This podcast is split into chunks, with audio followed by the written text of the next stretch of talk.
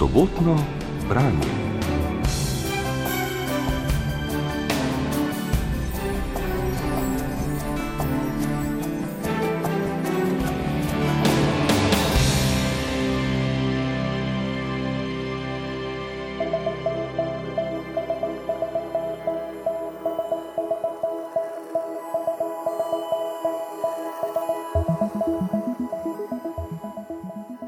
Vemo, da je vesolje imelo začetek. Pred približno 13,8 milijarde let je vesolje iz nepredstavljivo gostega stanja prešlo v vseobsegajočo kozmično ognjeno kroglo in na to v ohlajajočo se brnečo zmes materije in energije, iz česar so nastali zametki zvest in galaksij, ki jih zdaj vidimo okrog sebe. Oblikovali so se planeti, galaksije so trkale druga ob drugo, kozmos je napolnila svetloba. Na kamnitem planetu, v orbiti čisto navadne zvezde, blizu roba neke spiralne galaksije, so se razvili življenje, računalniki, politične vede in suhljati dvonožni sesalci, ki za razvedrilo berejo knjige o astrofiziki. Ampak kaj sledi, kaj se zgodi na koncu zgodbe? Smrt planeta, morda celo zvezde, bi se načeloma dalo preživeti. Čez milijarde let bi človeštvo teoretično lahko še vedno obstajalo, verjetno v neki nam neprepoznavni obliki, potem ko bi se odpravilo na potovanje v daljna prostranstva vesolja, našlo nov dom in zgradilo nove civilizacije. Smrt vesolja pa je dokončna. Kaj to pomeni za nas in sploh za vse, kar je, če se bo na zadnje končalo?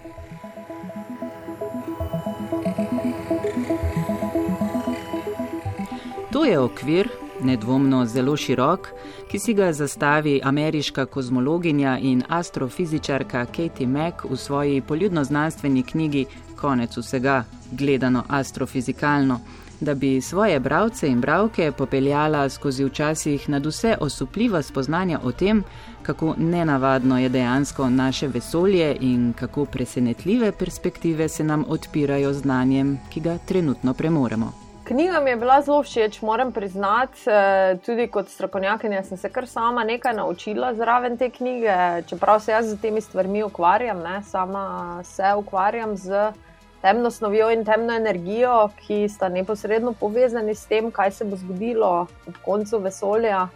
In ja, tudi na zelo poljuden način se mi zdi, da je predstavljena. Tako knjigo, konec vsega, ocenjuje kozmologinja Maruša Bradač, predavateljica na Kalifornijski univerzi Davis, ki o avtorici pove. Torej, Katie Mack je odlična teoretična astrofizičarka, ukvarja se s kozmologijo, seveda ukvarja se s temno snovjo in pa tudi z temno energijo. In eh, dela na teh eh, modelih konca vesolja. Zakaj pa je tako popularna, oziroma tako dobra v tem, zna res lepo razložiti stvari. Um, ona je, glede popularizacije znanosti, res uh, na vrhu vseh, ki se s tem ukvarjajo.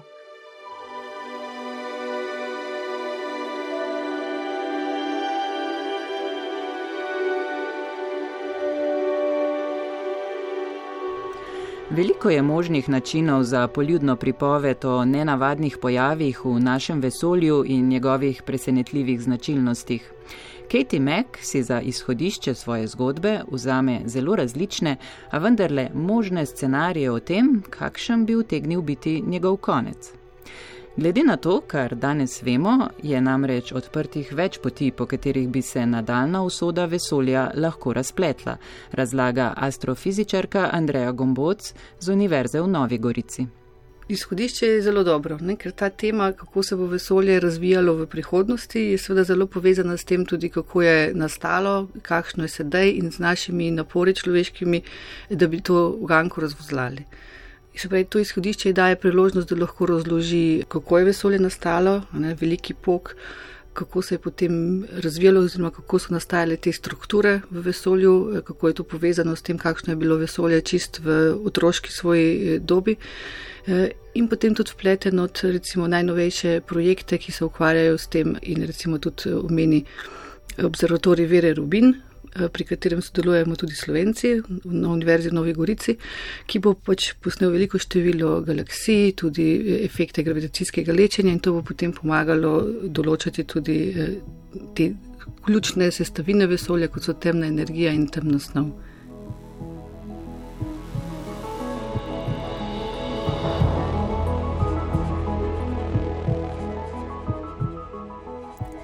Ta knjiga je zame izgovor, da lahko razglabljam o vprašanju, kam vse skupaj gre, kaj vse to pomeni in kaj se lahko z zastavljanjem takih vprašanj naučimo o vesolju, v katerem živimo.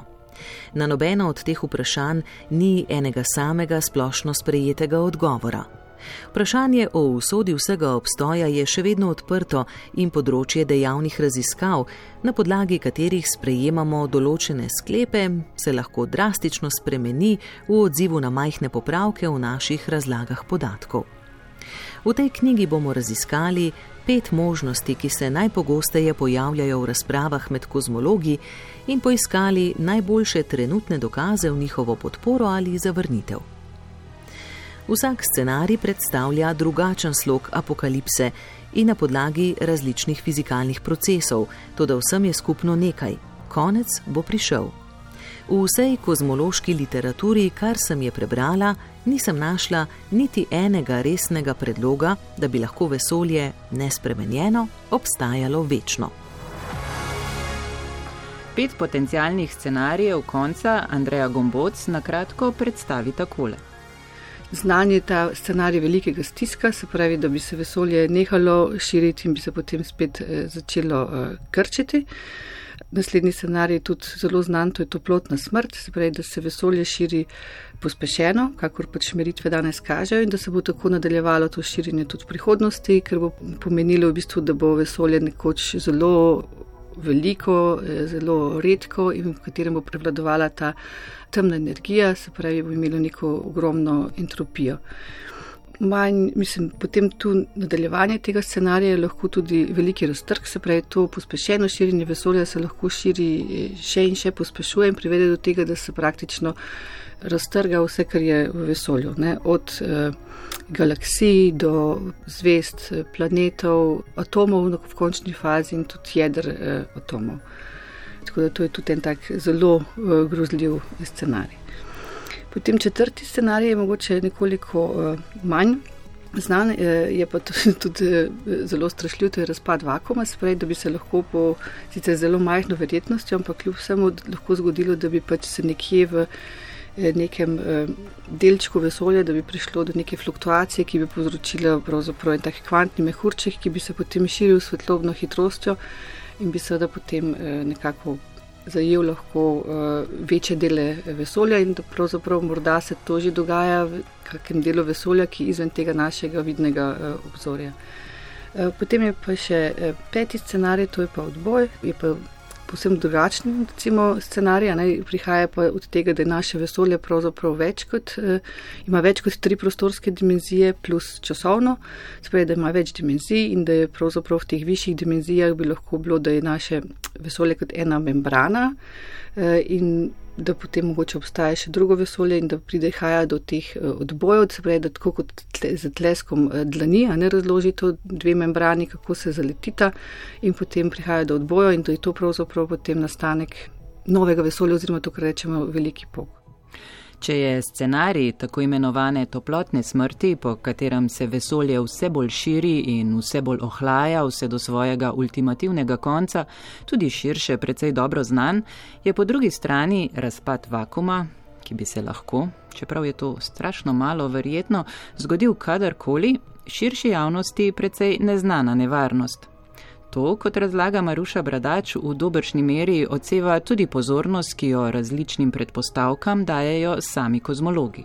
Niso vsi ti scenariji enako sprejeti pri znanstvenikih, eh, zagotovo so nekateri spohtale toplotna smrt, je bolj popularen scenarij konca vesolja kot pa, kot pa ostali, ki jih nekako opisuje. Je pa res, da so to še vsi mogoči scenariji, kajti zelo malo vemo o temni energiji, ki je tista glavna. Um, ne morem niti reči energija, ker tudi ne vemo, če je to res energija, ampak ki je tisto glavno vodilo za to, kaj se bo zgodilo v prihodnosti z vesoljem. In zato so pač te raziskave toliko bolj pomembne, da ugotovimo, kakšna, kaj je temna energija in kakšne lastnosti ima.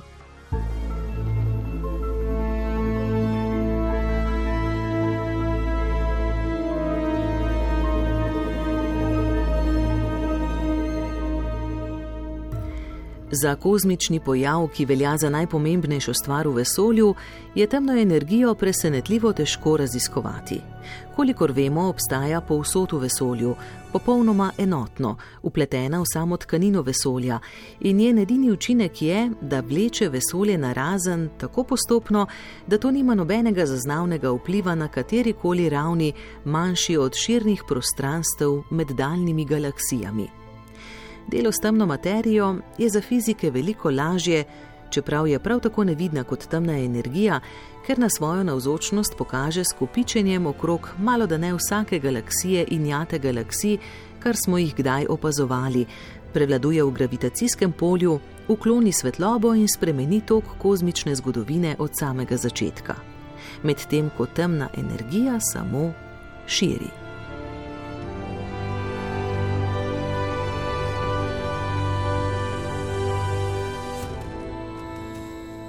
Kako Katie Mack torej predstavi nekatere zelo zapletene koncepte sodobne kozmologije, je ena glavnih odlik knjige Konec vsega, povdarja Maruša Bradač.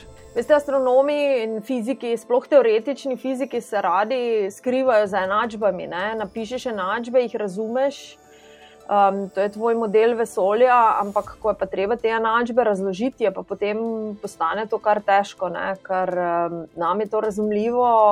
Če pa to razložiš tudi kakšnemu svojemu kolegu, ki se s temi enačbami ne ukvarja, je pa že to težko. Ne? In prav tukaj sem sem ugotovila, kako na ta res eleganten način razložiti te, te pojme, kot so temna energija in pa entropija, s katero se ukvarja, kaj se bo zgodilo na koncu vesolja in zakaj, zakaj ti modeli so možni.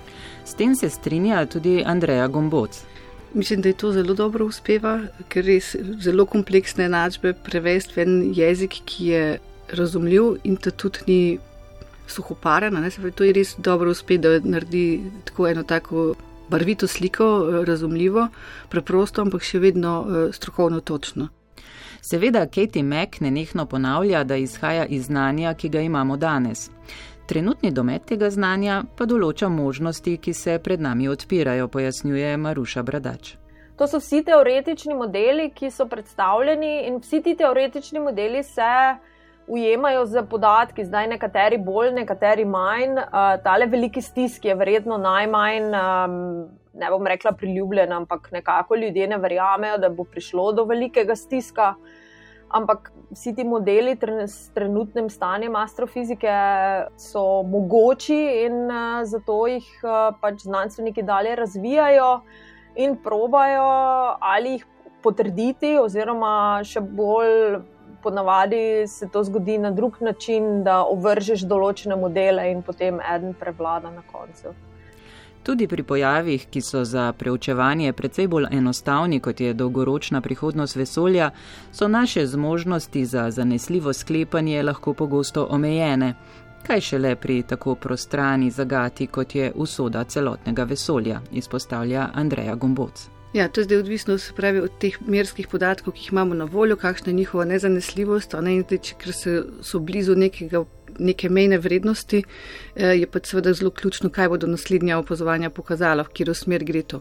Je pa v fiziki pogosto tako, da imamo eh, neke take mejne vrednosti, neke, eh, kjer lahko nas na eni strani odnese v eno smer, na, stran, na drugi strani v drugo. Ne?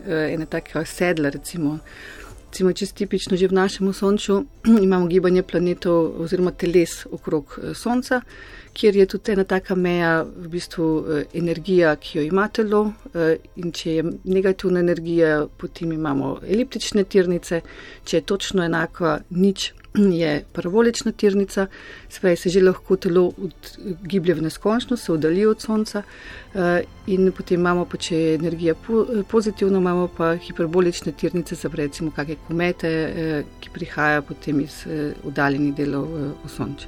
Sve veliko takih primerov imamo, kjer je neka mejna vrednost in potem se lahko zelo različne stvari dogajajo.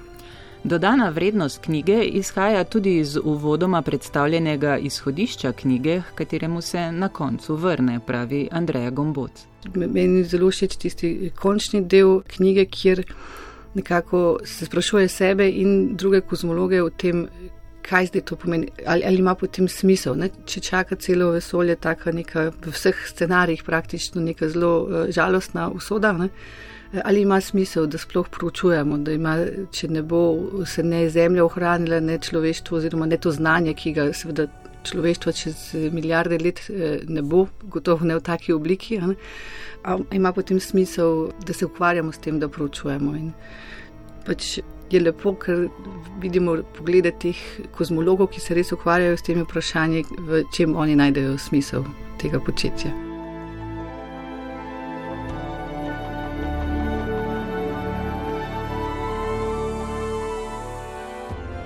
Knjiga Konec vsega torej ponuja marsikaj. Jasno in zabavno predstavi najzapletenejše pojave tega vesolja, poda osebne zgodbe o srečanih znanstveniki, ki so te misli in enačbe razvijali, razmisleke o širšem pomenu teh spoznanj, navezave na literaturo. Nazorno predstavi tudi, katera ključna kozmološka vprašanja naslavljajo različne aktualne raziskave in tako tudi na ta način približa znanstveno delovanje po svetu. Gre za knjigo, ki navdušuje tako strokovnjake kot zgolj ljubiteljske navdušence nad vesoljem in njegovimi številnimi bizarnostmi. Eh, tudi jaz nisem pričakovala, da bo takšen, eh, kot angliži temu rečejo, page turner za mene, ki, ki te stvari seveda poznam iz svojega znanstvenega področja. Ampak vam moram povedati, da je kar nisem hotela nehati brati, ker je resnično napisana zanimivo, napisana, napisana znanstveno. Um, Včasih bereš kakšno knjigo, pa so mogoče kakšne stvari preveč poenostavljene, oziroma niso napisane tako, kot, kot v resnici je. Tako malo, kakšno stvar pometejo pod preprogo te znanstvene knjige, in potem kot znanstvenik, ko to bereš, te kar malo tako zvije, pa rečeš, uf. Tole pa niso dobro razložili, ali pa te, te v bistvu take stvari zelo motijo. Ne? Pri njej pa tega absolutno ni in hočeš vedeti, kaj se bo zgodilo naprej ker je tukaj ni samo ta znanstvena razlaga, ki jo, ki jo že poznam, ampak je tu tudi um, razlaga pojavov in pa seveda ta zgodba uh, astronomov, um, ljudi, s katerimi se je pogovarjala in tako dalje, ki, ki potem navdušuje. Je pa absolutno napisana na nivoju, da jo lahko vsak, ki, ki ga to zanima, seveda razume in, in jo bo z veseljem prebral. Odlično je, da smo to knjigo, ki je tudi mednarodna uspešnica, dobili v slovenskem prevodu, saj lahko tako svojo temo kot s pristopom nagovori res številne bravce in bravke. Ob tem pa žal nekoliko zmoti prevod, saj denimo strokovni izrazi niso prevedeni v skladu z uveljavljeno slovensko terminologijo, v kateri poznamo temno snov, gama sevanje in ravno, ne pa ploščato vesolje, če navedem nekaj naključnih primerov ko gre za pojasnevanje zapletenih kozmoloških fenomenov v laični javnosti, nekaj doslednosti vsekakor ne bi bilo odveč. V tokratnem sobotnem branju smo se posvetili knjigi Konec vsega Katie Mack, ki je v prevodu Nikija Neubauerja išla pri založbi Unko. Gosti pred mikrofonom sta bili astrofizičarki dr. Maruša Bradač in dr. Andreja Gomboc. Odlomke iz knjige je brala Mateja Perper, glasbena oprema Rudi Pančur, tehnična izvedba Marko Krebs, oddajo sem pripravila Nina Slaček. Sobotno branje najdete tudi na spletni strani prvega in med podcasti, kjer vas čaka pester nabor knjižnih naslovov, tako leposlovja kot stvarne literature.